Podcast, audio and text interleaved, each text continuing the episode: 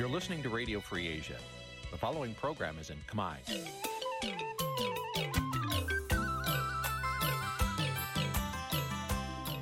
នេះជាកម្មវិធីផ្សាយ Vuthu Azizi Serai នេះជាកម្មវិធីផ្សាយរបស់ Vuthu Azizi Serai ជាភាសាខ្មែរ Vuthu Azizi Serai សូមស្វាគមន៍លោកអ្នកនាងទាំងអស់ពីរដ្ឋធានី Washington នៃសហរដ្ឋអាមេរិក។ ផ្សាយផ្ទាល់ពីរដ្ឋធានី Washington នាងខ្ញុំសុជីវីសូមជម្រាបសួរលោកនាងកញ្ញាដែលកំពុងតាមដានការផ្សាយរបស់ Vithu Azizi សេរីទាំងអស់ជាទីមេត្រីយើងខ្ញុំសូមជូនកម្មវិធីផ្សាយសម្រាប់យប់ថ្ងៃអង្គារ200ខែមិញឆ្នាំខាលចត្វាស័កពុរសករាជ2566ចាប់ត្រឹមថ្ងៃទី7ខែកុម្ភៈគ្រិស្តសករាជ2023ចាស់ជាដំបូងនេះសូមអញ្ជើញលោកអ្នកនាងស្ដាប់ព័ត៌មានប្រចាំថ្ងៃដែលមានមេត្តាដូចតទៅ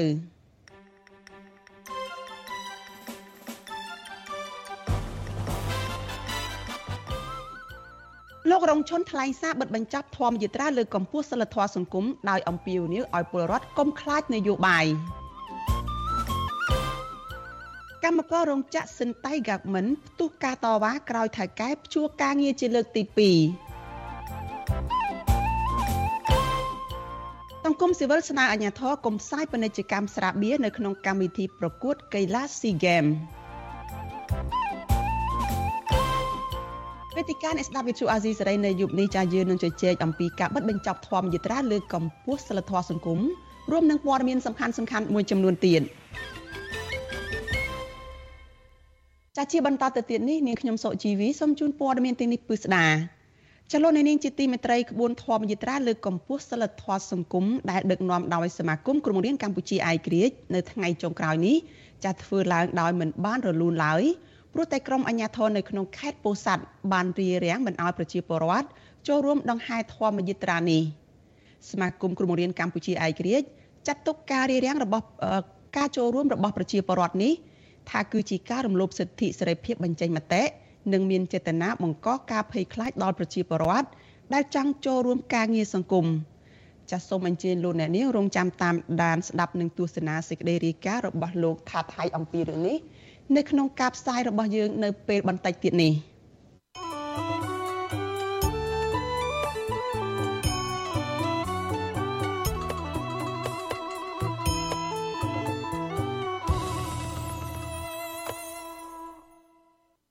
ចាលោកនាងកញ្ញាជាទីមេត្រីចាដូចដែលលោកអ្នកនាងបានដឹងហើយថានៅក្នុងក្បួនហែធម្មយាត្រាចាលើកកម្ពស់សិលធម៌សង្គមដែលរៀបចំដោយសមាគមគ្រូបង្រៀនកម្ពុជាឯករាជ្យនៅក្នុងរយៈពេល7ថ្ងៃមកនេះ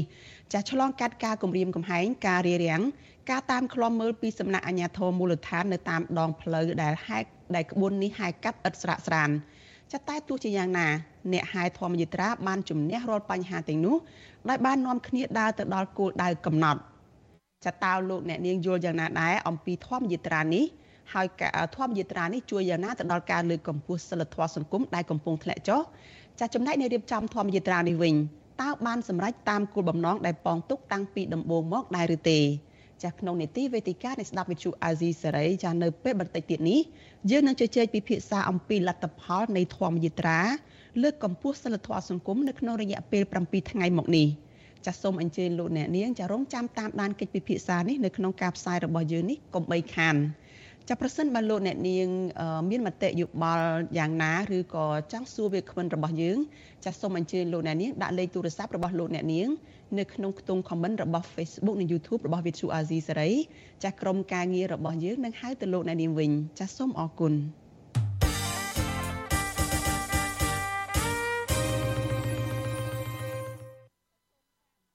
ចាលោកនាងជាទីមេត្រីចាយើងងាកទៅព័ត៌មានតកតងនឹងកោតកលនៅឯក្រុមហ៊ុន Nagavel ឯណោះវិញចាក្រុមកោតកល Nagavel ប្រមាណ10នាក់ប្រមាណ100នាក់ចាបន្តធ្វើកោតកម្មអហិង្សាដើម្បីទាមទារឲ្យថៅកែក្រុមហ៊ុន Nagavel ដោះស្រាយវិវាទការងារដែលបានជាប់គាំងជាង1ឆ្នាំមកនេះពួកគេបានឈរដំរៀបគ្នាជាជួរនៅក្រោមកម្ដៅថ្ងៃនៅខាងមុខក្រុមហ៊ុន Nagavel ចានៅក្បែររដ្ឋសភា និងនៅក្បែរផ្ទះលោកយប់ត្រីហ៊ុនសែនផងដែរពួកគេស្លៀកពាក់ចម្រុះពណ៌ដោយអ្នកខ្លះនៅក្នុងដៃមានកាន់បដាជារូបភាពផ្សេងផ្សេងស្នើសុំឲ្យដោះលែងមេសហជីពគឺកញ្ញាឈឹមស៊ីធនិងរូបម្ចាស់ក្រុមហ៊ុនធំធំម្ចាស់ភាគហ៊ុនធំធំរបស់ក្រុមហ៊ុន Nagavel និងរូបលោកហ៊ុនសែនផងដែរជាមួយគ្នានេះកោតកោបានវាយស្គរបន្លឺសម្លេងរួមនឹងឧបករណ៍បំពងសម្លេងស្រែកទាមទារឲ្យក្រុមហ៊ុនដោះស្រាយជូនកម្មករ និងកុំលៀបពណ៌កម្មករថាពួកគេកំពុងតែធ្វើការតវ៉ារឿងនយោបាយតទៅទៀតតំណាងគឧតកោ Nagavel លោកស្រីសុករតនាថ្លែងថា ការតវ៉ានេះដោយសារតែក្រុមហ៊ុន Nagavel មិនបានដោះស្រាយវិវាទការងារជូនពួកគាត់លោកស្រីស្នើដល់រដ្ឋាភិបាលឲ្យជួយស្វែងរកដំណោះស្រាយជូនកម្មករឲ្យបានឆាប់រហ័សព្រោះតែវិវាទនេះគឺបានអូសបន្លាយរយៈពេលជាង1ឆ្នាំរួចទៅហើយ។ ខ្ញុំនៅតស៊ូរាល់ថ្ងៃគឺខ្ញុំតស៊ូដើម្បីសហជីពហើយសហជីពក៏គាត់តស៊ូដើម្បីយើងហើយយើងគឺជាគាត់គាត់គឺជាយើងតែប៉ុណ្្នឹងហើយខ្ញុំអត់ដែរបោះបង់គាត់ចោលទេពួកខ្ញុំនៅក្រៅហ្នឹងខ្ញុំតស៊ូដើម្បីទាមទារឲ្យ Nagavel ចេញមកដោះស្រាយដើម្បីឲ្យគេទម្លាក់បទចោលទៅលើគាត់ទៅលើថ្នាក់ដឹកនាំទៅជាសកម្មជនទាំងអស់ហើយចំពោះគាត់គឺខ្ញុំមានការនឹករលឹកគាត់ខ្លាំងមែនទែនបង ចាស់ក្រុមកោតក្រនៅតែអះអាងថាពួកគេនៅតែរក្សាជំហរទៀមទា3ចំណុចដែលក្នុងនោះរួមមានទម្លាក់បទចោទទៅលើសហជីព Nagavel ទទួលយកតំណែងសហជីព Nagavel ចូលធ្វើការងារវិញ និងទូទាត់ប្រាក់សំណងឲ្យបានត្រឹមត្រូវតាមច្បាប់ស្តីពីការងារ។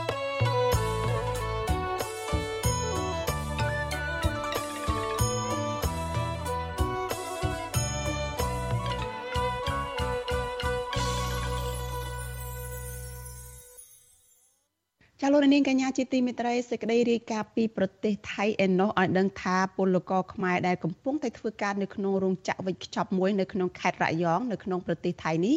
ដែលមានចំនួនជាង20នាក់ចាពួកគេត្រូវបានថៃកែបញ្ឈប់ពីការងារដោយមិនបញ្ជាក់ពីមូលហេតុ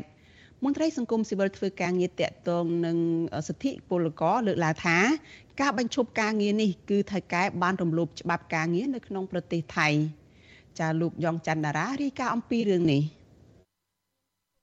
ថៅកែជនជាតិថៃដែលបញ្ឈប់ពលករខ្មែរពីការងារមិនបានផ្ដល់លំនឹងជូនពលករជាមុននោះទេ ហើយក៏មិនទាន់ផ្ដល់ប្រាក់សំណងឲ្យពួកគាត់វិញនោះដែរពេលនេះក្រុមពលករកំពុងប្រឈមបញ្ហាជីវភាពនៅក្នុងគ្រាដែលគ្មានការងារធ្វើពលករខ្មែរធ្វើការងារផ្នែកធ្វើថង់ផ្លាស្ទិកលោកស្រីព្រំសំណាងឲ្យវិទ្យុអាស៊ីសេរីដឹងនៅថ្ងៃទី7ខែកុម្ភៈថា ថៅកែថៃបានកោះហៅលោកស្រីទៅចុះហត្ថលេខាលើលិខិតបញ្ឈប់ពីការងារកាលពីថ្ងៃទី3ខែកុម្ភៈដោយមិនបានប្រាប់លោកស្រីថានោះជាលិខិតបញ្ឈប់ពីការងារនោះទេលោកស្រីឲ្យដឹងទៀតថាពេលនោះលោកស្រីនិងពលករផ្សេងទៀតមិនដឹងត្រូវធ្វើបែបណាទេក៏យល់ព្រមចុះហត្ថលេខាលើពាក្យលាឈប់នោះ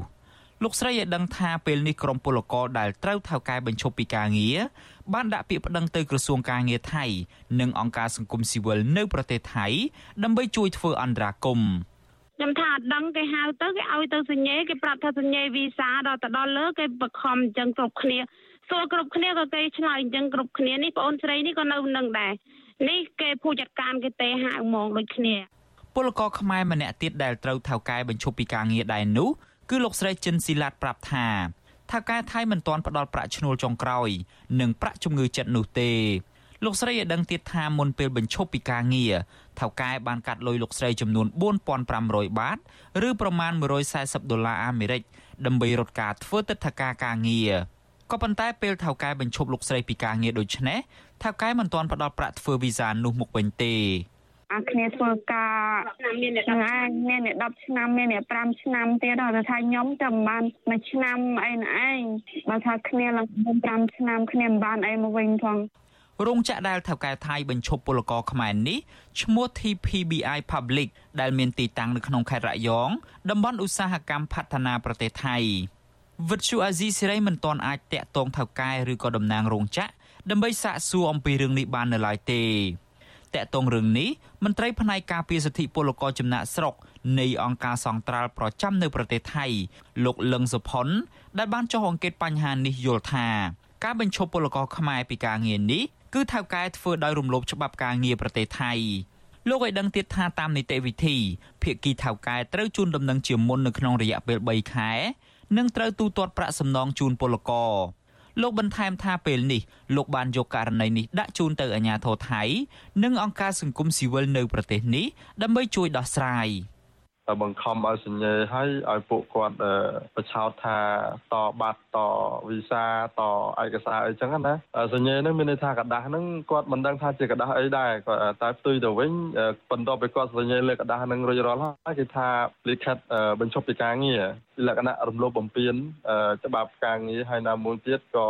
វារំលោភសិទ្ធិពលករអីចឹងវាធ្វើឲ្យបងប្អូនពលករមួយចំនួនហ្នឹងគាត់មានការភ័យខ្លាច លោកលឹងសុផុនឲ្យដឹងទៀតថាលោកបានផ្ដល់ដំណឹងនេះទៅមន្ត្រីស្ថានទូតកម្ពុជាប្រចាំប្រទេសថៃហើយមន្ត្រីស្ថានទូតក៏បានចុះមកជួបពលករនិងបានសន្យាថានឹងជួយអន្តរាគមន៍ករណីនេះទៅអាជ្ញាធរថៃវិទ្យុអាស៊ីសេរីមិនទាន់អាចសុំការបញ្ជាក់បន្ថែមពីមន្ត្រីស្ថានទូតកម្ពុជាដែលទទួលបន្ទុកផ្នែកពលករបានទេនៅថ្ងៃទី7ខែកុម្ភៈក្រមពលករស្នើទៅថៅកែថៃឲ្យសងប្រាក់ជំងឺចិត្តចំពោះការបញ្ឈប់ពីការងារនេះ និងទាមទារឲ្យថៅកែសងប្រាក់ថ្លៃធ្វើវីសាការងារឲ្យពួកគាត់វិញខ្ញុំយ៉ងច័ន្ទដារាវិទ្យុអាស៊ីសេរី Washington ចាលោកនាងកញ្ញាជាទីមេត្រីចាលោកអ្នកកំពុងតែតាមដានការផ្សាយរបស់វិទ្យុអាស៊ីសេរីចាប់ផ្សាយចេញពីរដ្ឋធានី Washington សហរដ្ឋអាមេរិកចាបន្តតាមដានព័ត៌មានរបស់វិទ្យុអាស៊ីសេរីបន្តទៅទៀតចាព័ត៌មានជាបន្តទៅទៀតនេះចាតកតងនឹងគម្រោងទៅប្រទេសចិនរបស់លោកយមត្រីហ៊ុនសែន ចាន់លោកហ៊ុនសែននឹងដឹកនាំគណៈប្រតិភូទៅបំពេញទស្សនកិច្ចផ្លូវការនៅទីក្រុងប៉េកាំង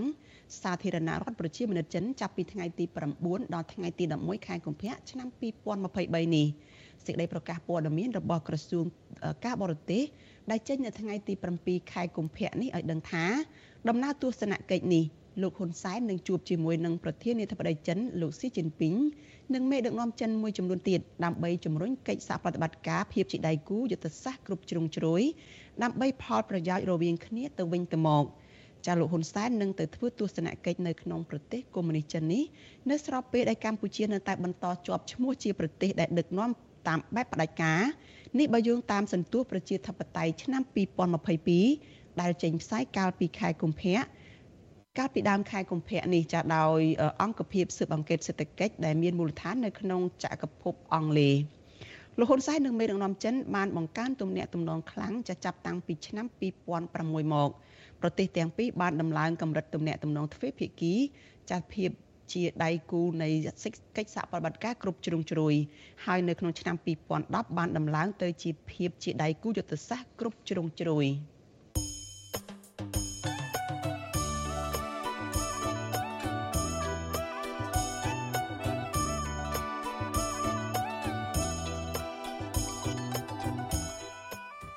លោកអ្នកនាងជាទីមេត្រីចាដំណើរគ្នានឹងស្ដាប់ការផ្សាយរបស់វិទ្យុអាស៊ីសេរីចានៅលើបណ្ដាញសង្គម Facebook និង YouTube ចាលោកអ្នកនាងក៏អាចស្ដាប់ការផ្សាយរបស់យើងនៅតាមវិទ្យុរលកធាតុអាកាសខ្លីចា Post SW តាមកម្រិតនិងកម្ពស់ដូចតទៅនេះចាប់ពេលព្រឹកចាប់ពីម៉ោង5កន្លះដល់ម៉ោង6កន្លះតាមរយៈវិទ្យុរលកធាតុអាកាសខ្លី Post SW 9.39 MHz ស្មើនឹងកម្ពស់ 32m និង Post SW 11.7 11.85 MHz ស្មើនឹងកម្ពស់ 25m ចាប់ពេលយប់ចាប់ពីម៉ោង7កន្លះដល់ម៉ោង8កន្លះតាមរយៈ post SW 9.39 MHz ស្មើនឹងកម្ពស់ 32m post SW 11.88 MHz ស្មើនឹងកម្ពស់ 25m និង post SW 15.15 MHz ស្មើនឹងកម្ពស់ 20m ចាលោកនាងជាទីមេត្រីចាងាកមកព័ត៌មានតកតងនឹងកម្មកររោងចក្រកាត់ដេរវិញម្ដង ចាបុគ្គលិកកម្មករនៅក្រុមហ៊ុន Sun Tigerman Cambodia ជាង100នាក់ផ្ទុះការតវ៉ាទាមទារឲ្យថៃកែរោងចក្រនេះទទួលយកកម្មករចូលធ្វើការវិញ បន្ទាប់ពីថៃកែរោងចក្រនេះព្យួរការងារពួកគេក្រោមហេតុផលថាខ្វះអ្នកបញ្ជាទិញទំនិញនិងគ្មានសម្ភារៈគ្រប់គ្រាន់ចាអ្នកខ្លំមើលកិច្ចការសង្គមយល់ឃើញថា ក្រសួងពាក់ព័ន្ធគួរតែពន្លឿនដោះស្រាយវិវាទការងារនេះជូនដល់ពួកគេឲ្យបានឆាប់ចាប់ពីរដ្ឋធានី Washington លោកមានរដ្ឋរាយការណ៍ព័ត៌មាននេះ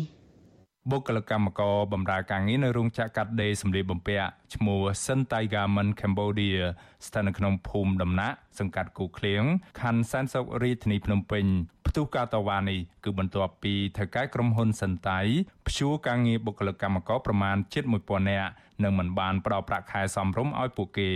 ទោះជាយ៉ាងណាក្រុមកោតក្រភៀចច្រើន ដែលជាស្ត្រីអះអាងថាថៅកែក្រុមហ៊ុនរើសអើងសហជីពនិងមានចេតនាបំបត្តិសម្លេងសហជីពដោយមិនទទួលបុគ្គលិកឲ្យចូលធ្វើការងារវិញនោះឡើយរោងចក្រនេះមានកម្មករធ្វើការសរុបជាង3000នាក់ក្នុងនោះជាង2000នាក់កំពុងធ្វើការ ហើយជាង1000នាក់ទៀតត្រូវបានព្យួរពីការងារ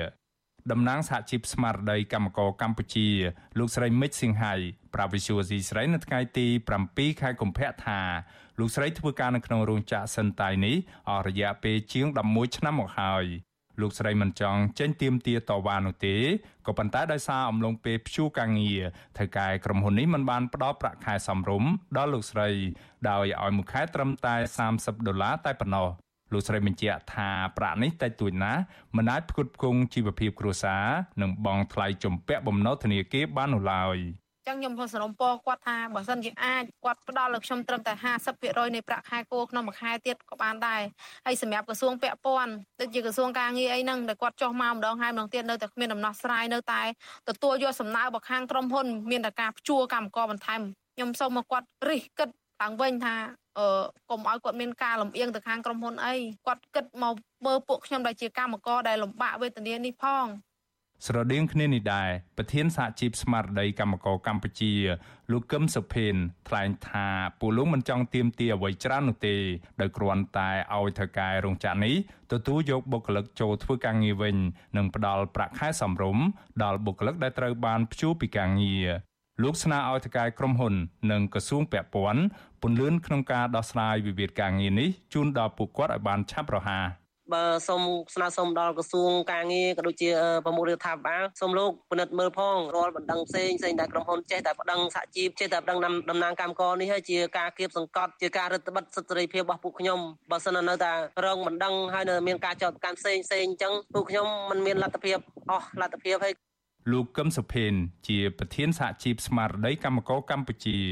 លោកត្រូវបានថកែក្រុមហ៊ុន Sentai Garment Cambodia ប្តឹងទៅក្រសួងកាងារពីបទធ្វើសកម្មភាពផ្ទុយពីលក្ខន្តិកាញុះញង់គៀងគរប្រមូលផ្ដុំគ្នាឲ្យកម្មករផ្ទុះការតវ៉ានិងបង្ខិតបង្ខំកម្មករនយោជិតឲ្យធ្វើកោតកម្មកាលពីថ្ងៃទី2ខែធ្នូឆ្នាំ2022 ក៏ប៉ុន្តែលោកច្រានចោលការចោទប្រកាន់ទាំងនេះហើយចាត់ទុកលិខិតពមៀននោះថាគឺជារឿងមិនត្រឹមត្រូវពីព្រោះលោកថាការតវ៉ារបស់កម្មករកន្លងមកគឺធ្វើឡើងដោយស្ម័គ្រចិត្តនិងធ្វើតាមច្បាប់ដែលបានចែង វិសុវស៊ីស្រីមិនអាចតាក់ទងអគ្គលេខាធិការរងនៃគណៈកម្មាធិការសម្រាប់ដោះស្រាយបញ្ហាកោតកម្មបាតកម្មនៃក្រសួងកាងារលោកទេស រុក្ខផល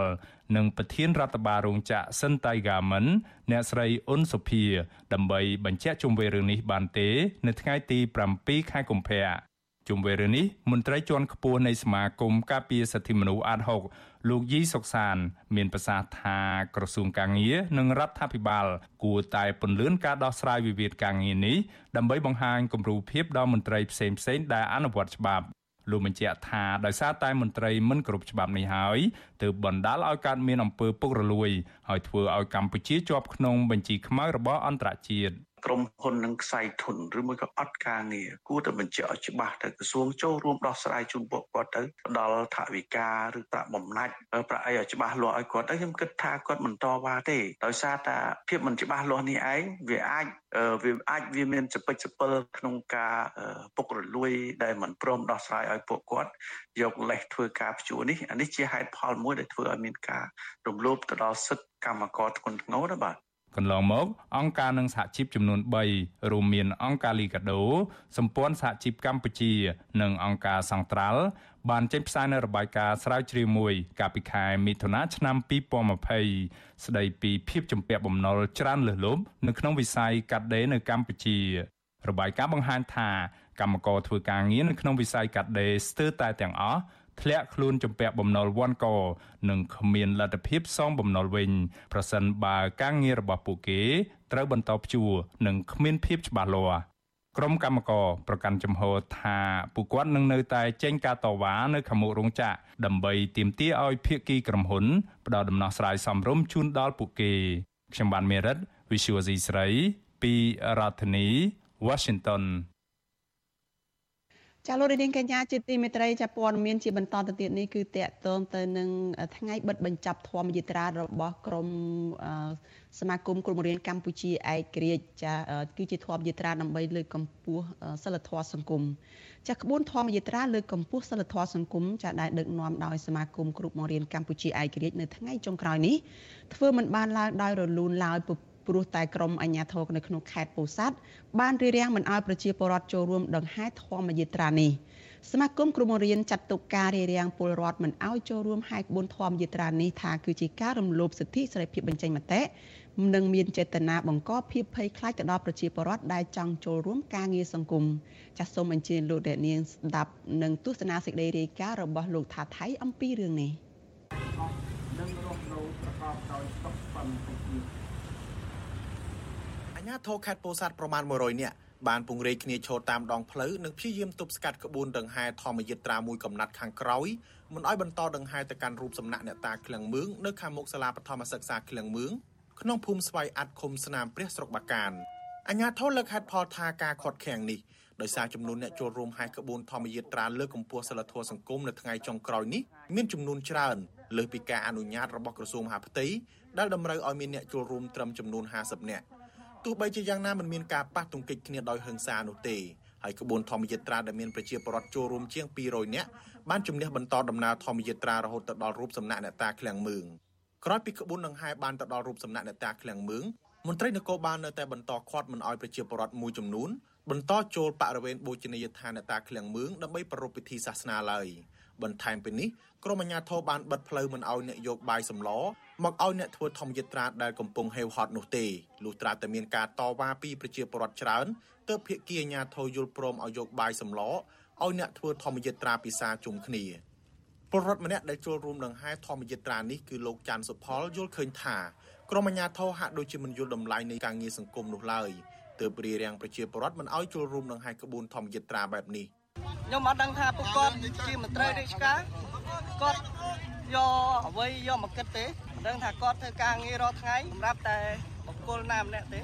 ព្រោះខ្ញុំគិតថាពួកគាត់មានចំណេះដឹងមានការងារធ្វើសពថ្ងៃដោយសារតែវិជាបរដ្ឋយើងយើងអត់ចង់ឲ្យពួកគាត់ធ្វើការងារបម្រើបុគ្គលណាម្នាក់ពួកគាត់ត្រូវតែបម្រើវិជាបរដ្ឋអ្នកចូលរួមហែកក្បួនធម្មយាត្រាលើកកម្ពស់សិលធម៌សង្គមនេះមានដូចជាប្រសង់គ្រូបង្រៀនសកម្មជនសង្គមសកម្មជននយោបាយសកម្មជនសិទ្ធិមនុស្សនិងប្រជាពលរដ្ឋទូទៅ ព្រះសង្ឃមួយអង្គដែលបាននិមន្តចូលរួមនឹងហែធម្មយាត្រាគ្រប់ទាំង7ថ្ងៃចាប់ពីរូបសំណាក់ដូនពេញក្នុងរាជធានីភ្នំពេញមកដល់រូបសំណាក់អ្នកតាឃ្លាំងមឿងក្នុងខេត្តពោធិ៍សាត់គឺប្រដេចប្រគុណសយសាទមានធរណិកាថាព្រះអង្គចូលរួមនឹងហែធម្មយាត្រានេះព្រោះចង់ឲ្យអ្នកនយោបាយចេះអធិស្ឋានឲ្យគ្នានិងបញ្ឈប់ការប្រើប្រាស់ពាក្យសម្ដីមិនសមរម្យលើគ្នាទៅវិញទៅមកប្រដេចប្រគុណបន្ថែមថានៅពេលដែលអ្នកនយោបាយស្អប់ខ្ពើមគ្នាមិនចេះសាមគ្គីគ្នានោះ នឹងមិនត្រឹមតែធ្វើឲ្យអ្នកនយោបាយបាត់បង់ក្តីសុខផ្ទាល់ខ្លួននោះទេប៉ុន្តែប្រជាពលរដ្ឋរាប់លានអ្នកក៏រងគ្រោះពីការធ្វើនយោបាយដោយយកគ្នាធ្វើជាសត្រូវនេះផងដែរការសន្ទនាគ្នាការបញ្យោគ្នាជាសត្រូវនេះជាទង្វើល្អបំផុតជាផ្នត់កំណត់ល្អបំផុតរបស់អ្នកនយោបាយម្ល៉េះហើយល្មមល្មមអ្នកនយោបាយយល់ថាពេលដែលមានប៉ះទង្គិចនៅបញ្ហាអ្វីមួយ មិនមែនអ្នកនយោបាយកម្ពុជាកម្ពុជារកគ្រោះថ្នាក់ទេប្រជាពលរដ្ឋរាប់លានអ្នកដែលត្រូវគ្រោះថ្នាក់នៅរាល់បញ្ហាការវិវាទការបែកបាក់ដោយសារតែអ្នកនយោបាយធ្ងន់ណាស់ចំណុចទាំងអស់ហ្នឹងល្មមកែប្រែល្មមបន្ទន់អេរយាបតដើម្បីដឹកនាំជាតិប្រជាពលរដ្ឋផ្សេងទៀតក៏សុទ្ធតែមើលឃើញថាសិលធម៌ក្នុងសង្គមកម្ពុជាកំពុងធ្លាក់ចុះដុនដាបខ្លាំងរហូតធ្វើឲ្យបែកបាក់សាមគ្គីជាតិដោយសារតែអ្នកនយោបាយកំពុងកាន់អំណាច តែងប្រើភាសាអសុរោះគំរាមកំហែងនិងតែងធ្វើទុកបុកម្នេញតាមរូបភាពផ្សេងផ្សេងទៅលើអ្នកដែលមាននិន្នាការផ្ទុយអ្នកចូលរួមធម្មយាត្រាផ្ញើសារដូចគ្នាទាមទារឲ្យរដ្ឋាភិបាលសពថ្ងៃស្ដារប្រជាធិបតេយ្យនិងការគោរពសិទ្ធិមនុស្សឲ្យស្របតាមរដ្ឋធម្មនុញ្ញហើយដោះលែងអ្នកជាប់ឃុំដោយសាររឿងនយោបាយឲ្យមានសេរីភាពឡើងវិញទីប្រឹក្សាសមាគមគ្រូបង្រៀនកម្ពុជាឯករាជ្យលោករងឈុនថ្លែងសារបិទបញ្ចប់ធម្មយាត្រាថាលោកសោកស្ដាយចំពោះសកម្មភាពអាញាធររារាំងមិនឲ្យប្រជាពលរដ្ឋ ចូលរួមនឹងហែធម្មយាត្រាលើកកម្ពស់សិលធម៌សង្គមជាមួយគ្នានេះលោករងឈុនលើកឡើងថាប្រជាពលរដ្ឋមិនត្រូវខ្លាចពាក្យនយោបាយឡើយហើយត្រូវមានភាពក្លាហានដើម្បីការពារសិទ្ធិរបស់ខ្លួនលោកក៏ជំរុញឲ្យថ្នាក់ដឹកនាំប្រទេសអ្នកនយោបាយត្រូវមានសិលធម៌ខ្ពស់ដើម្បីធ្វើជាគំរូដល់យុវជនចំនួនក្រោយយើងនាំគ្នាខ្លាចចឹងគេយកចំណុចហ្នឹងយកមកបន្លាចយើងដូច្នេះយើងកុំខ្លាចពាក្យនយោបាយ ជុលពាក្យនយោបាយពីព្រោះយើងទាំងអស់គ្នាត្រូវបានច្បាប់រដ្ឋធម្មនុញ្ញធានាដូច្នេះយើងមានសិទ្ធិក្នុងការមកចូលរួមប្រារព្ធពិធីក្នុងការចូលរួមហែកពូនក្នុងការចូលរួមសម្រេចចិត្តបោះឆ្នោតការដាក់ដង្ហែក្បួនធម្មយិត្រាដើម្បីលើកកម្ពស់សិលធម៌សង្គម ដែលដឹកនាំដោយសមាគមគ្រូបង្រៀនកម្ពុជាឯករាជ្យបានចាប់ផ្ដើមតាំងពីថ្ងៃទី1ខែកុម្ភៈមកហើយតែងប្រឈមនឹងឧបសគ្គនិងការរារាំងពីអាជ្ញាធរជាបន្តបន្ទាប់នៅតាមដងផ្លូវដូចជាហាមិនអោយពួកគាត់ចូលសម្រាប់បរិភោគអាហារនិងស្នាក់នៅពេលយប់នៅតាមវត្តអារាមសាលារៀនឬកន្លែងសាធារណៈជាដើមក្បួនធម្មយត្រាបានបិទបញ្ចប់បន្ទាប់ពីទីប្រឹក្សាសមាគមគ្រូបង្រៀនកម្ពុជាឯករាជ្យលោករងឈុនថ្លែងសាររំលឹកឡើងវិញពីគោលបំណងនៃធម្មយត្រា និងបួងសួងឲ្យប្រលឹងអ្នកតាឃ្លាំងមឿងនិងប្រលឹងពុព្វបរោះដែលបានពលីជីវិតក្នុងពុបហេតុការពារប្រទេសជាតិឲ្យបន្ទន់អេរយាប័តអ្នកនយោបាយថ្នាក់ដឹកនាំប្រទេសនិងប្រជាពលរដ្ឋទូទៅគ្រប់មជ្ឈដ្ឋានឲ្យចេះចែករំលែកក្តីស្រឡាញ់ឲ្យគ្នានិងផ្ដល់ការអធិស្ឋានឲ្យគ្នាដើម្បីកសាងជាតិឲ្យរឹងមាំឡើងវិញខ្ញុំថាថៃពីទីក្រុងមែលប៊ន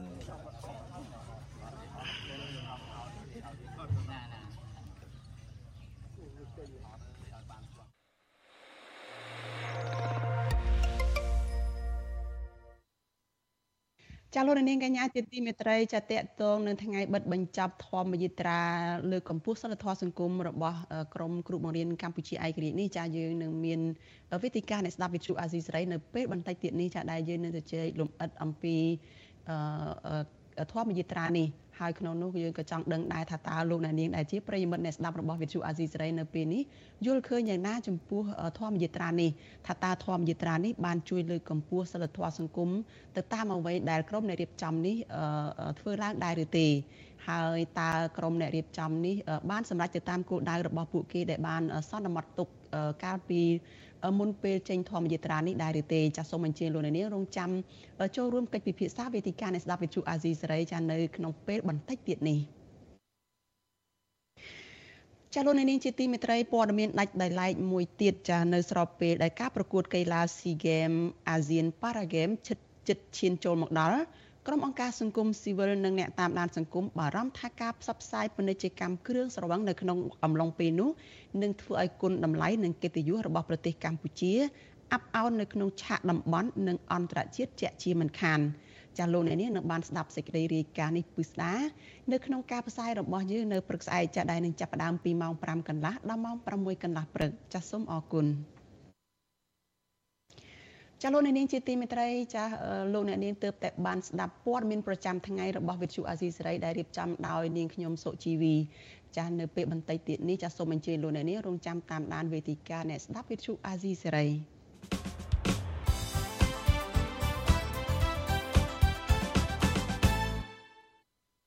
ចាជាបន្តទៅទៀតនេះគឺជានីតិវេទិកាអ្នកស្ដាប់វិទ្យុអាស៊ីសេរី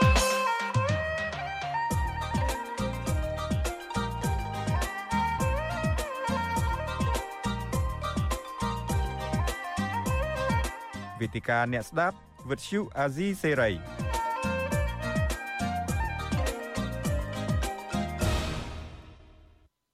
ចា៎នេះខ្ញុំសុជីវីសូមជម្រាបសួរជាថ្មីដល់លោកអ្នកនាងដែលកំពុងតែតាមដានការផ្សាយរបស់វិទ្យុអាស៊ីសេរីចាទាំងនៅលើបណ្ដាញសង្គម Facebook YouTube និងតាមរយៈវិទ្យុរលកធាតុអាកាសខ្លីចា Post SW ចានីតិវេទិកាអ្នកស្ដាប់វិទ្យុអាស៊ីសេរីនៅយប់នេះចាយើងនឹងជជែកគ្នាអំពីលទ្ធផលនៃធម្មយាត្រាលើកកម្ពស់សិលធម៌សង្គមរយៈពេល7ថ្ងៃចាដែលដឹកនាំដោយក្រុមសមាគមគ្រូបង្រៀនកម្ពុជាឯករាជ្យ ចាស់ភ្ញៀវរបស់យើងនៅយុគនេះគឺលោករងឈុនចាស់លោកជាប្រធានសហភាពសហជីពកម្ពុជា ហើយក៏ជាទីប្រឹក្សារបស់សមាគមគ្រូបង្រៀនកម្ពុជាឯករាជ្យដែរចាស់សូមជម្រាបសួរលោករងឈុនពីចម្ងាយចា៎បាទសូមជម្រាបសួរអ្នកស្រីសុជីវីចា៎តកតងទៅនឹងដំណើរធម្មយត្រារបស់ក្រមគ្រូបង្រៀនកម្ពុជាឯករាជ្យនេះចាយើងបានដឹង ជាហោហែមកហើយថាក្បួននេះមិនប្រព្រឹត្តទៅបានរលូនទេហើយជាពិសេសគឺថ្ងៃចុងក្រោយនេះតែម្ដងគឺមានការគម្រាមកំហែងមានការរារាំងហើយក៏មានការតាមឃ្លាំមើលពីសំណាក់អាជ្ញាធរជាប់មិនដាច់ថែមទៀតចាហើយបើទោះជាយ៉ាងណា ចាក្រុមអ្នករៀបចំកម្មវិធីនេះចាមានទាំងលោករងឈុនផងនឹងចាបានដឹកនាំធម្មយាត្រានេះបានទៅដល់គោលដៅកំណត់គឺបានទៅដល់ទីសំណាក់ទី រមណីយដ្ឋានបូជានឹងគឺ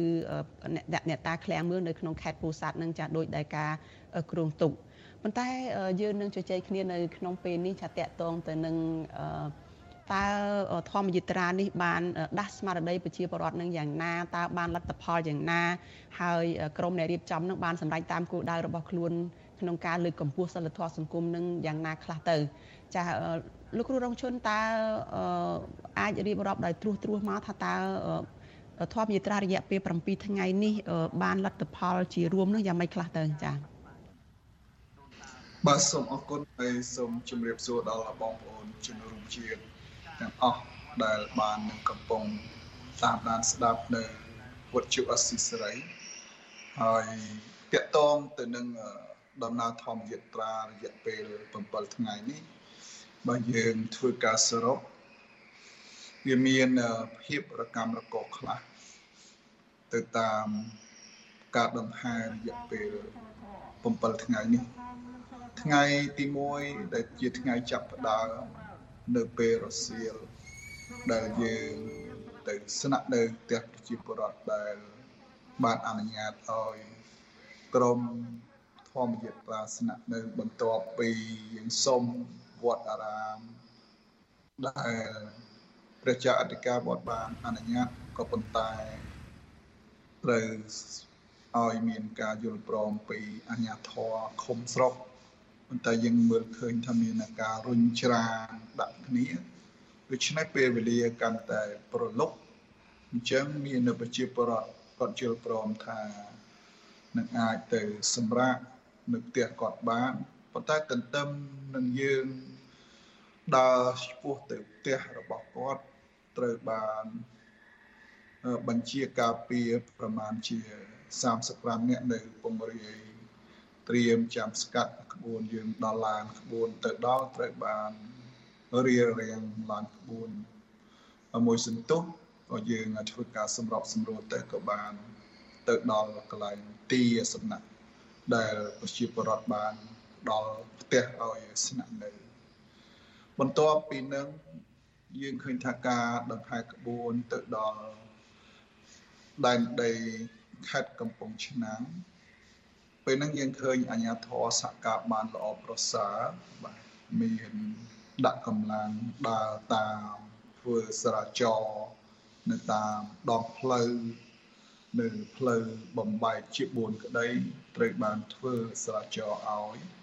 ហើយលើកពីនឹងថែមទៀត នគរបាលក៏បានមកចងអង្រឹងយាមពួកក្រុមធម្មយាត្រាពេលយើងបានស្នាក់នៅខេត្តកំពង់ឆ្នាំងពីយប់អញ្ចឹងយប់ទី2ក៏ដូចគ្នាបាទបានដាក់កម្លាំងអញ្ញាធរនគរបាលមកយាមយើងសូមកោតសាបាទកោតសាអញ្ញាធរខេត្តកំពង់ឆ្នាំងបានសហការជាមួយសមាគមក្រុមហ៊ុនកម្ពុជាឯករាជ្យបន្ទាប់ពីយើងផុត ដែនដីកំពង់ឆ្នាំងយើងឆ្លងចូលទៅដល់ខេត្តពោធិ៍សាត់ពេលហ្នឹងយើងបានធ្វើដំណើរដោយរលូនដែរតែมันឃើញមានអញ្ញាมันមានអញ្ញាធរមកធ្វើសរាចរឬមួយអឺបើកផ្លូវឲ្យពួកយើងទេទៅតែដល់ទៅដល់ទីរួមខេត្ត បានមានបានមាននគរបាលធ្វើស្រាវជ្រាវបានបន្តិចបន្តួចហើយយើងគិតថាវាមិនជាបញ្ហាអ្វីទេយើងមានកម្លាំងរបស់យើងរៀបចំផ្នែកសន្តិសុខហើយនឹងធ្វើស្រាវជ្រាវហើយហើយប៉ុន្តែអ្វីដែលយើងសោកស្ដាយនៅថ្ងៃទីបញ្ចប់អឺនៅពេលដែលយើងហាទៅដល់ផ្លូវបត់ចូលបត់ចូលទៅពោជនីយដ្ឋាន ប្រវត្តិសាស្ត្រលោកអុកញ៉ាឃ្លៀងមឿងនៅពេលហ្នឹងត្រូវបានអាជ្ញាធរបាទអាជ្ញាធរកាត់កាត់មកកង់មិនអោយទៅចូលរួមបាទទៅចូលរួមនៅទីសក្ការៈទីគោរពកន្លែងរូបសំណាក់លោកតាឃ្លៀងមឿងនៅពេលនោះក៏អឺសហការីរបស់ខ្ញុំបានមករាយការណ៍ថា ត្រូវបានគេកាត់មួយកង់ហាញហើយក៏ខ្ញុំឲ្យក្បួនឈប់នៅពេលហ្នឹងក៏ខ្ញុំដើរត្រឡប់មកចំណុចដែលត្រូវបានអាជ្ញាធរកាត់ពេលនោះអាជ្ញាធរអះអាងថានៅក្នុងលិខិតសម្ដេចកលាហោមតម្រូវឲ្យធម្មយត្រាតែប្រមាណជា50នាក់ខ្ញុំទទួលស្គាល់នៅត្រង់ចំណុចហ្នឹងហើយយើងដង្ហែរយៈពេល6ថ្ងៃ គឺមនុស្សមនុស្សប្រមាណជា50នាក់ក្រោម50នាក់ក៏ប៉ុន្តែនៅថ្ងៃចុងក្រោយនេះគឺជាថ្ងៃបញ្ចប់ការដែលមកចូលរួមច្រើនប្រមាណជាជិត200នាក់នេះគឺគាត់មកធ្វើបុណ្យបាទគាត់មកធ្វើបុណ្យចូលរួមធ្វើគេថាពិធីសាសនា ជាមួយធម្មយត្រាដែលត្រូវបញ្ចប់នៅប្រមាណជាម៉ោង9កន្លះនៅ ពោជិនីយដ្ឋានប្រវត្តិសាស្ត្រលោកអុកញ៉ាឃ្លៀងមើងប៉ុន្តែត្រូវបានអាជ្ញាធរកាត់ពេលនោះយើងបាននៅអន្តរាគមក៏អាជ្ញាធរបានបើកឲ្យចូលរួមក៏ប៉ុន្តែការដែលបើកហ្នឹងនៅពេលដែលមានប្រជាពលរដ្ឋមកពីបាត់ដំបងហើយក៏អ្នកនៅក្នុងខេត្តពោធិ៍សាត់ស្រុកឆ្ងាយឆ្ងាយនេះមកមិនទាន់ក៏ត្រូវបានអាជ្ញាធរ ខាត់អស់រយៈពេល1ម៉ោងជាងដល់ពេលដែលកម្មវិធីត្រូវបានបញ្ចប់បានសក្ការីរបស់ខ្ញុំដែលធ្វើអន្តរាគមបានអាជ្ញាធរបើកឲ្យគាត់ចូលខ្ញុំអឺឃើញចំណុចនេះវាធ្វើឲ្យអ្វីដែលយើងបានសហការគ្នាជាច្រើនតាំងពីស្រុកក្រកមកដល់ខេត្តពុំមានអ្វីដែលកើតឡើងទើបតែកើតឡើងនៅពេល ប្រហែលម៉ោងទៀតត្រូវបានបញ្ចប់វាហើយវាមិនស្ថិតនៅក្នុងបំរាមរបស់ក្រសួងមហាផ្ទៃទេពីព្រោះក្រសួងមហាផ្ទៃឲ្យសរសេរក្នុងការដើរក្បួនបាទប៉ុន្តែការប្រារព្ធពិធីមិនបានកំណត់ចំនួនមនុស្សក្នុងការចូលរួមថាពិប្រារព្ធពិធីសាសនានឹងត្រូវតែចូលរួមប្រព័ន្ធនេះប្រព័ន្ធនោះក៏មិនបានចង្អុលបង្ហាញដែរត្រង់ចំណុចហ្នឹង យើងក៏សម្គាល់ឃើញថាអាញាធរហាក់បីដូចពុំបានឲ្យតម្លៃសម្ដេចកលាហោមដែលលោកខំបានចាអនុញ្ញាតឲ្យសមាគមគ្រូបង្រៀននៅកម្ពុជាឯករាជ្យប្រពដងហែធម្មយត្រានេះបាទតកតងទៅនឹងដំណើរការធម្មយត្រារយៈពេល7ថ្ងៃបានខ្ញុំបានធ្វើការកត់សម្គាល់នៅតាមដងផ្លូវនី មួយនីមួយពីតំបន់មួយទៅតំបន់មួយនឹងឃើញនេះណាប្រជាពលរដ្ឋអាសាតច្រើនបើតាមដងផ្លូវមានចេញមកស្ពះសួរក៏ដូចជាជូនទឹកសុទ្ធភេទជ្ជៈបច្ច័យទៅតាមដងផ្លូវនឹងជាហូរជាហែហើយយើងទទួលបានព័ត៌មាន ជាច្រើននៅតាមប្រជាពលរដ្ឋក៏ដូចជាសាលារៀននៅ អមដងផ្លូវក៏ដូចជាប្រជាពលរដ្ឋនៅអមដងផ្លូវក៏ដូចត្រូវបានអាជ្ញាធរដើរខ្សឹបថាក្បួនដង្ហែនេះគឺក្រសួងមហាផ្ទៃត្រូវបានកំណត់តែ50នាក់ទេដូច្នេះកុំឲ្យទៅចូលរួមដោយសាលារៀនអីក៏បានរត់បន្តឹងនៅពេលថ្ងៃអាទិត្យក៏មានការបង្កើតកម្មវិធីដាក់គ្រូទៅនេះទៅនោះអញ្ចឹងទៅ ដើម្បីបញ្ជាកុំឲ្យមានការចូលរួមក្នុងធម្មយត្រាការធ្វើបែបនេះបង្ហាញអំពីការក្បត់ក្បៀតនៅសិទ្ធិសេរីភាពរបស់ប្រជាពលរដ្ឋក្នុងការចូលរួមអសម្ដែងមតិឬចូលរួមដង្ហែធម្មយត្រាក្តីហើយខ្ញុំមិនចង់ឃើញបញ្ហាបែបហ្នឹងកើតបន្តទៅទៀតទេយើង យើងអរគុណនៅគេថាសម្ដេចកលាហោមដែលបានអនុញ្ញាតឲ្យច្បាប់ហើយយើងចង់ឃើញបញ្ហានោះបន្តបាទដូចសាលារាជធានីភ្នំពេញក៏ដូចជានៅតាមបណ្ដាខេត្តត្រូវតែបើកទលាយហើយយើងចង់បាន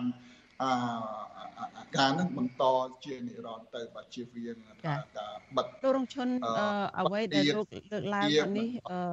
ចាជាបរិបទ ចាអ្វីដែលលោកលើកឡើងមកនេះគឺតកតងទៅនឹងឧបសគ្គខ្លះខ្លះការរៀបរៀងឬក៏ការគម្រាមកំហែងទៅលើក្រមអ្នកដើរហែក្បួនធម្មយាត្រានេះចុះចំពោះការគោលគំនិតឬក៏គោលបំណងនៃការហែក្បួននេះការលើកកម្ពស់សិលធម៌សង្គមអីហ្នឹងថាតើបានជ្រួតជ្រាបអីយ៉ាងម៉េចលោកអាចដឹងរឿងនេះទេថាតើអ្នកដែលជា សាធារណជនជាប្រជាពលរដ្ឋអីហ្នឹងដែលនៅតាមដងផ្លូវដែល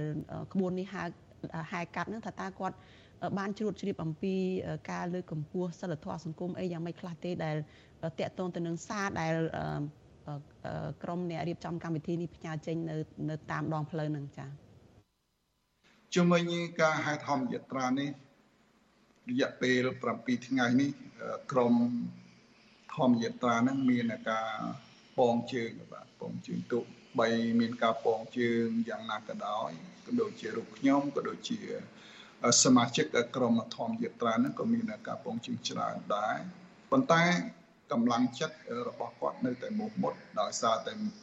មានការសាទរពីប្រជាពលរដ្ឋការសាទរពីប្រជាពលរដ្ឋនឹងអាចដែលធ្វើឲ្យកម្លាំងចិត្តរបស់គាត់នៅតែមោះមុតទៅមុខទោះបីមានឧបសគ្គ ពងជើងខ្លះក៏ដោយយើងតស៊ូអត់ធ្មត់រហូតទៅដល់គោលដៅដែលយើងបានគ្រោងទុកអទី2យើងកត់សម្គាល់ឃើញថាការហៅធម្មយត្រានេះបានបញ្ជ្រាបទៅដល់ប្រជាពលរដ្ឋច្រើនហើយគប់ផ្សំទៅនឹងទៅនឹងថាសម័យសម័យ digital បាទបណ្ដាញសង្គម អញ្ចឹងមិនមែនផ្សព្វផ្សាយត្រឹមតែតែនៅប្រជាពលរដ្ឋនៅតាមម្ដងផ្លូវជាតិលេខ5ពីភ្នំពេញទៅដល់ពោធិ៍សាត់នោះទេ គឺផ្សព្វផ្សាយនៅក្នុងប្រទេសក៏ដូចជា នៅក្រៅប្រទេសបើយើងនិយាយទៅ គឺស្ទើរតែពិភពលោក ដែលបានឃើញក្បួនធម្មធម្មយត្រានេះហើយយើងមើលឃើញនៅ ក្នុងបណ្ដាញសង្គមមកមានការ share មានការ like មាន ការចាប់អារម្មណ៍ច្រើនទាក់ទងធម្មយត្រានេះបាទអញ្ចឹងខ្ញុំមិនហ៊ានវាយតម្លៃថាធម្មយត្រានេះជោគជ័យទេគ្រាន់តែគិតថានឹងបញ្ជ្រាបហើយនឹងក្រើនរំលឹកទៅដល់ប្រជាពលរដ្ឋឲ្យងាកចាប់អារម្មណ៍តាក់ទងទៅនឹងការលើកកម្ពស់សិលធម៌សង្គមជាពិសេសអថ្នាក់ដឹកនាំថ្នាក់ដឹកនាំគាត់នឹងយកអ្វីដែលយើងផ្ញើសារប្រហែលថ្ងៃនេះ យកទៅគិតនិងពិចារណាមុននឹងធ្វើខ្លែងសង្ករកថាឬផ្ញើសារឬចេញមហា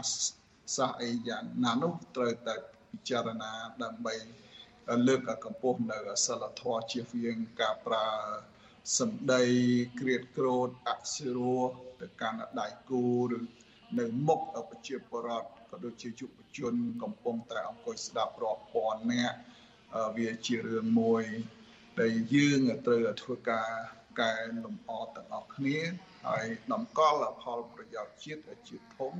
អានឹងយើងគិតថាសង្គមយើងទៅអាចគួតប្រជែងជាមួយបណ្ដាប្រទេសនៅជិតខាងបានហើយបើសិនជាយើងអឺគិតតែពីបញ្ហាផ្ទាល់ខ្លួនបញ្ហាបុគ្គលបញ្ហាក្រុម ហើយយើងមិនគិតអំពីថាបញ្ហាជាតិអានឹងវាធ្វើឲ្យប្រឈមទៅពេលអនាគតហើយយើងគិតថាសិលធម៌សង្គមនេះវាជាមូលដ្ឋានគ្រឹះសម្រាប់ប្រទេសមួយហើយបើប្រទេសមួយធ្លាក់ចុះនៅសិលធម៌សង្គមហើយក៏យើងមិនអាចធ្វើឲ្យសង្គមរបស់យើងរីកចម្រើនទៅមុខបានដែរបាទចា យើងនឹងជជែកគ្នាបន្តទៀតចាលោករងឈុនតកតងនឹងសិលធម៌លើកកម្ពស់សិលធម៌សង្គមនេះចាឥឡូវនេះសូមទទួលអ្នកស្ដាប់យើងមួយរូបចាគឺលោកសេងលីចាលោកសេងលីកូនខ្មែរចាលោកចង់ចូលបញ្ចេញមតិយោបល់នៅក្នុងកម្មវិធីរបស់យើងចាជំរាបសួរលោកសេងលីពីចម្ងាយចាបាទបាទជំរាបសួរបងស្រីចាលោកមានយោបល់ឬក៏មាន សំណួរអីខ្ញុំចង់ខ្ញុំចង់សួរលោកគ្រូរងឈុនបន្តិចចាបាទបាទខ្ញុំជំរាបសួរលោកគ្រូពីចម្ងាយផងលោកគ្រូបាទជំរាបសួរហើយបើនិយាយទៅសំណួរខ្ញុំសួរហ្នឹងដូចថាវាដូច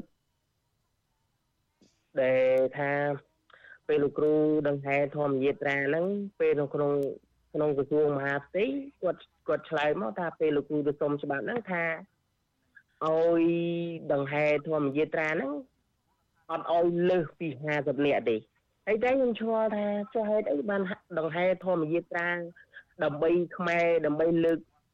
អឺសិលធម៌សង្គមខ្មែរសោះហេតុហេតុអីបានកំណត់ឲ្យដង្ហែតាអឺ ត្រឹមតែ50នាក់អត់ឲ្យលើសប៉ុណ្ណឹងខ្ញុំដូចឆ្ងល់ឆ្ងល់រឿងមិនដឹងវាមិនដឹងវាកំណត់ច្បាប់ប្រភេទអីខ្ញុំដូចអត់យល់អញ្ចឹងចាខ្ញុំឆ្ងល់ដែរអរគុណច្រើនឆ្ងល់តែប៉ុណ្ណឹងនិយាយឲ្យថាហើយចុះហេតុអីហេតុអីបានជាកំណត់ឲ្យខ្មែរខ្មែរអញ្ចឹងទៅហើយហើយបើដឹងអានេះអាញាធោហ្នឹងក៏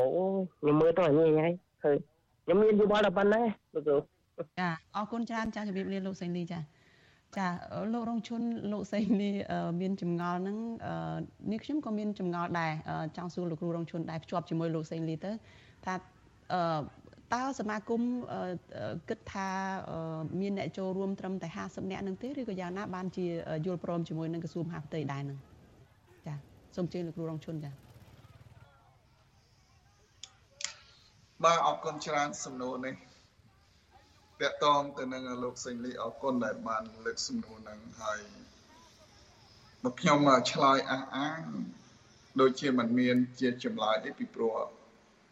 នេះជារឿងរបស់ក្រសួងហត្ថីហើយខ្ញុំក៏មិនយល់ពីបំណងរបស់គាត់ដែរ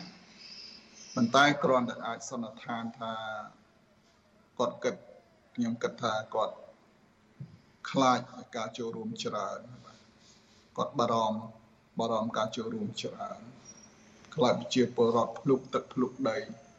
មកចូលរួមបើពុំមានការទប់ស្កាត់ទេនឹងមានការចូលរួមច្រើនចូលរួមច្រើនតកតងសំណួរលោកស្រីសុជីវីមិនខុសគ្នាទេ សមាគមទទួលយកអាការទទួលយល់ព្រមអា នេះយើងដាក់នៅក្នុងលិខិតជូនដំណឹងទៅក្រសួងមហាផ្ទៃយើងថាតិចបំផុត មានន័យថាចំនួនតិចបំផុតត្រឹម50អានឹងលិខិតដែលយើងដាក់ទៅក្នុងក្រសួងមហាផ្ទៃអញ្ចឹងបើមានការចូលរួម100 200 1000 2000ដល់10000ក៏មិនមានចំណោទអីដែរប៉ុន្តែយើងគិតថាមានការចូលរួមច្រើនលើសនោះបើសិនជាពុំមាន វិធានការនៅតាមសាលាពុំមានវិធានការនៅតាមតាទៅការផ្សព្វផ្សាយខ្សឹបទៅកាន់ប្រជាពលរដ្ឋពេលហ្នឹងនឹងមានការចូលរួមច្រើនបាទប៉ុន្តែនៅពេលដែលរដ្ឋបន្តឹង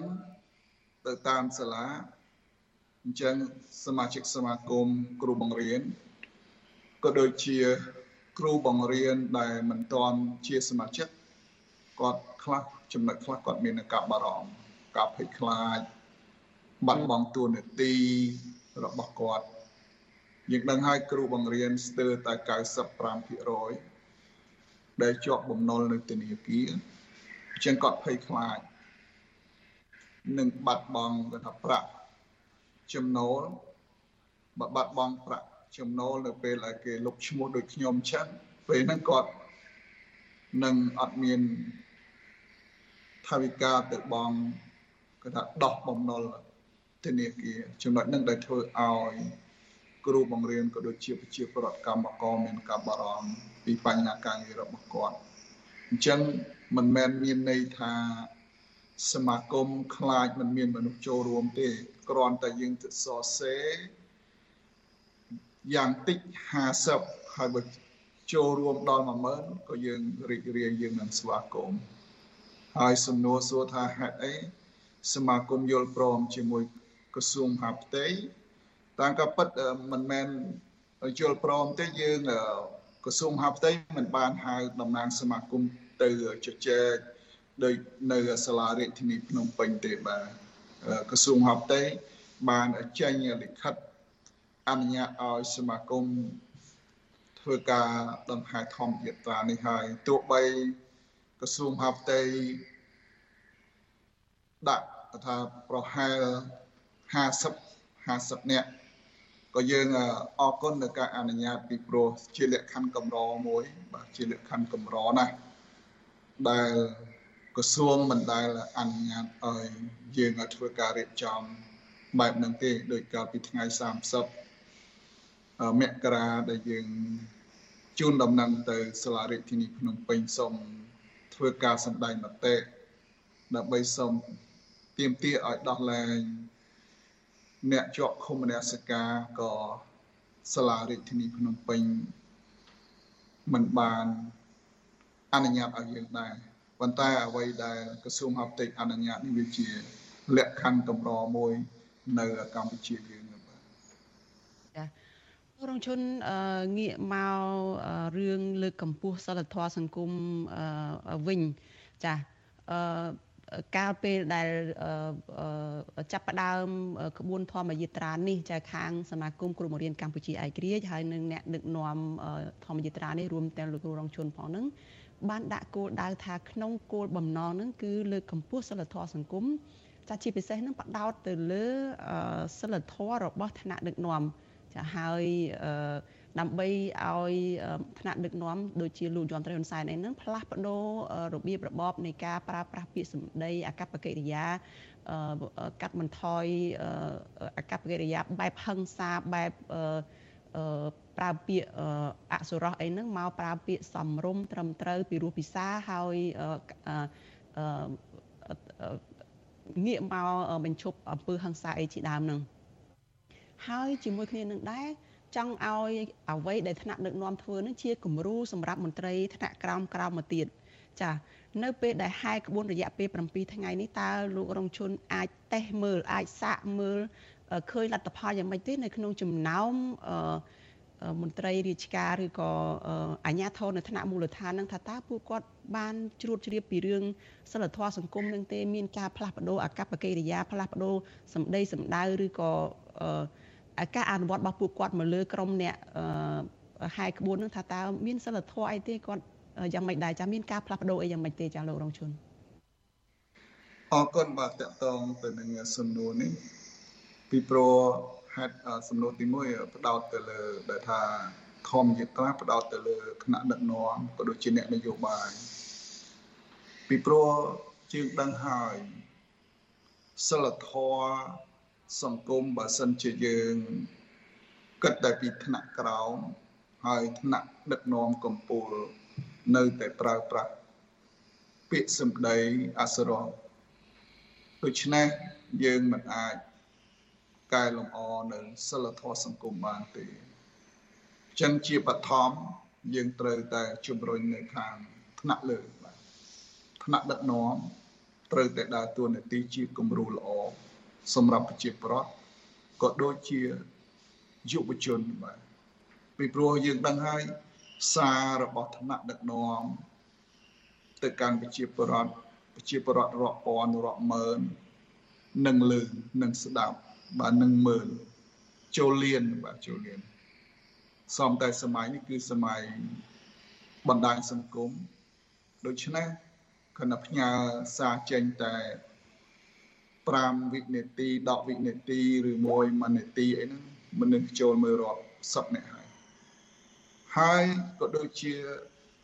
អ្នកអប់រំមួយដែរដូចជានាយករដ្ឋមន្ត្រីក្តីក៏ដូចជាអ្នកអប់រំហើយបើសិនជាយើងប្រើពាក្យអសុរោះប្រមាថកាទៀននៅលើវេទិកាពេលហ្នឹងដែលធ្វើឲ្យយុវជនហ្នឹងយកតម្រាប់តាមប្រជាពលរដ្ឋយកតម្រាប់តាម អាហ្នឹងដូចគេថាបោកសម្រាមបាទអញ្ចឹងយើងត្រូវបោកពីលើបើសិនជាយើងបោកកម្មសដាយើងបោកពីក្រោមទៅ អាសម្រាមហ្នឹងវាធ្លាក់ទៅកម្មក្រោមយើងបោកដល់កម្មលើសម្រាមហ្នឹងវាធ្លាក់មកកម្មក្រោមវិញអញ្ចឹងបោកអត់ចេះស្អាតអញ្ចឹងបើសិនជាយើងបោកកម្មលើទម្លាក់មកពេលហ្នឹងគឺស្អាតតែម្ដងដូច្នេះទៀមទាឲ្យអ្នកនយោបាយទៀមទាឲ្យអ្នកដឹកនាំហ្នឹងត្រូវមានសិលធម៌ខ្ពស់ ហើយបើសិនអ្នកដឹកនាំអត់មានសិលធម៌ហើយនៅខាងក្រោមហ្នឹងវារត់តែអត់មានសិលធម៌ទេចំណុចហ្នឹងហើយបានជាធម្មយាត្រាយើងផ្ដោតទៅលើទៅលើអ្នកនយោបាយដូចជាករណីដែលយើងតែងតែឃើញឲ្យចិត្តពេលថាវេលាបោះឆ្នោតមកដល់ច្រើនតែឌឺដងវាយប្រហារគ្នា ប្រើពាក្យមិនគប្បីទៅកាន់គ្នាទៅវិញទៅមក ហើយមានអំពើហិង្សានេះខ្ញុំសូមកាត់ប្រសាសន៍លោករងជុនកន្លែងហ្នឹងអញ្ចឹងដូច្នេះមានន័យថានៅពេលដែលថ្នាក់ដឹកនាំកម្ពុជាមិនទាន់មានការផ្លាស់ប្ដូរអាកប្បកិរិយាមិនទាន់ផ្លាស់ប្ដូរអេរិយាបថនឹងទេអាញាធរនៅតាមមូលដ្ឋានហ្នឹងក៏មិនទាន់មានការផ្លាស់ប្ដូរដែរអ្វីដែលលោករងជុនបានឃើញនៅរយៈពេល7ថ្ងៃមកនេះអានេះវាជាការពិតណាមួយយើងទើបតែចាប់ផ្ដើមផ្សព្វផ្សាយហើយយើងគិតថាអេរិយាបថនេះ វាមិនមែនផ្សព្វផ្សាយ7ថ្ងៃធ្វើឲ្យគាត់ឲ្យផ្លាស់ប្ដូរភ្លាមភ្លាមទេបាទអញ្ចឹងតើយើងចូលរួមធ្វើម៉េចជំរុញឲ្យគាត់ឲ្យធ្វើការផ្លាស់ប្ដូរនៅពេលដែលថ្នាក់កម្ពុជាផ្លាស់ប្ដូរខ្ញុំមានជំនឿថានៅថ្នាក់ក្រោមគឺត្រូវផ្លាស់ប្ដូរ100%តែម្ដងតែផ្ទុយទៅវិញបើថ្នាក់កម្ពុជាមិនផ្លាស់ប្ដូរថ្នាក់ក្រោមនៅតែដូចតែ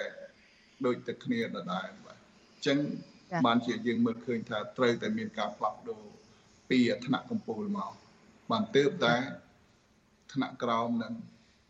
យកឲ្យគម្រោងតាមចាយើងមានអ្នកស្ដាប់មួយរូបទៀតចាគឺលោកខៀវសីហៈចាលោកចង់ចូលរួមដែរចាតើលោកនៅជាមួយយើងទេចាលោកសីហៈចាបាទនៅនៅខ្ញុំនៅណា លោកស្រីបាទខ្ញុំសូមជម្រាបសួរលោកលោកស្រីសុជីវីចាសូមលោកដាក់សំណួរខ្លីៗចាបើលោកមានចាយើងអស់ពេលទៅហើយចាបាទបាទសូមសួរលោកគ្រូរងឈុនហ្នឹងដើម្បីមិនខ្ញុំស្ដាប់លោកគ្រូរងឈុនប៉ុន្តែលោកគ្រូរងឈុនដឹងហើយថាធម្មយាត្រាពីតែធម្មយាត្រាដើម្បីដែលគោរពសិលធម៌សង្គមអីនេះខ្ញុំថាសារនយោបាយនៅក្នុងលោករបស់គ្រូរងឈុនបែរទៅជាថា ឲ្យដោះលែងដែលដោះលែងស្ត្រីដែលជាប់ទោសអ្នកនយោបាយជាប់ទោសឲ្យវិញត្រង់ចំណុចនេះខ្ញុំថាវារឿងនយោបាយច្រើនជាងព្រោះគ្រូរងឈុនគឺគ្រប់គ្រងគណៈបពប្រឆាំងអញ្ចឹងបានសេចក្តីថាគ្រូរួនឈុនហ្នឹងគឺយកលេសហ្នឹងជាលេសនយោបាយរបស់ខ្លួនឯងអញ្ចឹងខ្ញុំសួរថាអ្វីទៅជាអសិលធម៌សង្គមដែលដែលលើកឡើងវាខុសខ្លឹមសារអញ្ចឹងបានខ្ញុំជឿថាលោកគ្រូគឺធ្វើនេះធ្វើប្រធានបនរបស់លោកគ្រូវាខុសខ្លឹមសារអញ្ចឹងលោកគ្រូបកស្រាយយ៉ាងម៉េចមើលបញ្ហាហ្នឹងបើ ដោះលែងដោះលែងទៅអាពេលថាដោះលែងទៅអ្នកដែលទោសនយោបាយអីហ្នឹងបាត់ទៅដល់ក្លែសង្គមសុំឲ្យបាទបាទបាទចាចាអរគុណជំរាបលាលោកចាអញ្ចឹងសូមអញ្ជើញលោករងជនចាយើង នៅពេលខ្លីមែនបាទអរគុណច្រើនលោកអឺខៀសៃហាដែលបានលើកសំណួរនេះពិតជាល្អប្រសើរបាទបើយើងនិយាយអំពីពាក្យនយោបាយសំបីតែក្មេង ទៅតែប្រសូតចេញពីផ្ទៃម្ដាយយកស្រែកយំងាក៏គេចាត់ទុកជានយោបាយដែរ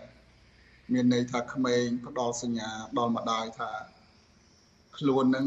ឃ្លានបើហើយតាក់តងទៅនឹងផ្ញើសារឲ្យមានការដោះលែងអ្នកជាប់ឃុំនសការតាក់តងទៅនឹងសិលធម៌ដោយសារតែសង្គមយើងអត់មានសិលធម៌នឹងហើយបានចេះតែចាប់មនុស្សគ្មានកំហុស យកទៅដាក់ពន្ធនាគារបើសិនជាតុលាការក៏ដូចជាអ្នកមានអំណាចមានសិលធម៌ខ្ពស់ពេលហ្នឹងពួកគាត់ទាំងអស់នោះក៏មិនត្រូវបានជាប់គុកជាប់ពន្ធនាគារដែរដូចជាករណីកញ្ញាសេងធីរីកញ្ញាឈឹមស៊ីថគ្រាន់តែប្រើប្រាស់សិទ្ធិក្នុងការទៀមទារកដំណោះស្រាយពីក្រុមហ៊ុន Nagavel រឿងអីដែលត្រូវចាប់ចាប់ដាក់ពន្ធនាគារនឹងឲ្យដោយសារតែខ្វះសិលធម៌នឹងហើយខ្វះការគិតខ្វះការពិចារណានឹងហើយករណីសុនធនកែថៃគ្រូសុនធនកែគ្រូកែថៃហ្នឹងគ្រាន់តែទូរស័ព្ទទៅចែកសម្ដែងកង្វល់អំពីបញ្ហាកូវីដក៏ត្រូវបានចោទប្រកាន់រឿងរួមគំនិតក្បត់ឥឡូវសូមលោកគិតមើលមើលតើវាបែបម៉េចដែរ ហើយគ្រាន់តែស្រែកឲ្យមានការដោះលែងរឿងអីដែលថាប្រជាពីប្រធានបទអាហ្នឹងហើយដោយសារតែគ្មានសិលធម៌ហ្នឹងហើយបានជាចាប់មនុស្សគ្មានកំហុសជាប់ទៅដាក់ឃុំហើយនឹងមានអ្នកជាប់ឃុំជាច្រើនទៀតជាប់ឃុំជាច្រើនទៀតដែលពុំមានអង្គហេតុឬហោះតាងដាក់បន្ទុកច្បាស់លាស់ប៉ុន្តែដោយសារតឡាការនេះជាឧបករណ៍ ជាឧបករណ៍នយោបាយអញ្ចឹងយើងឃើញថាវាវាសិតតែថារឿងតាក់ទងទៅនឹងសិលធម៌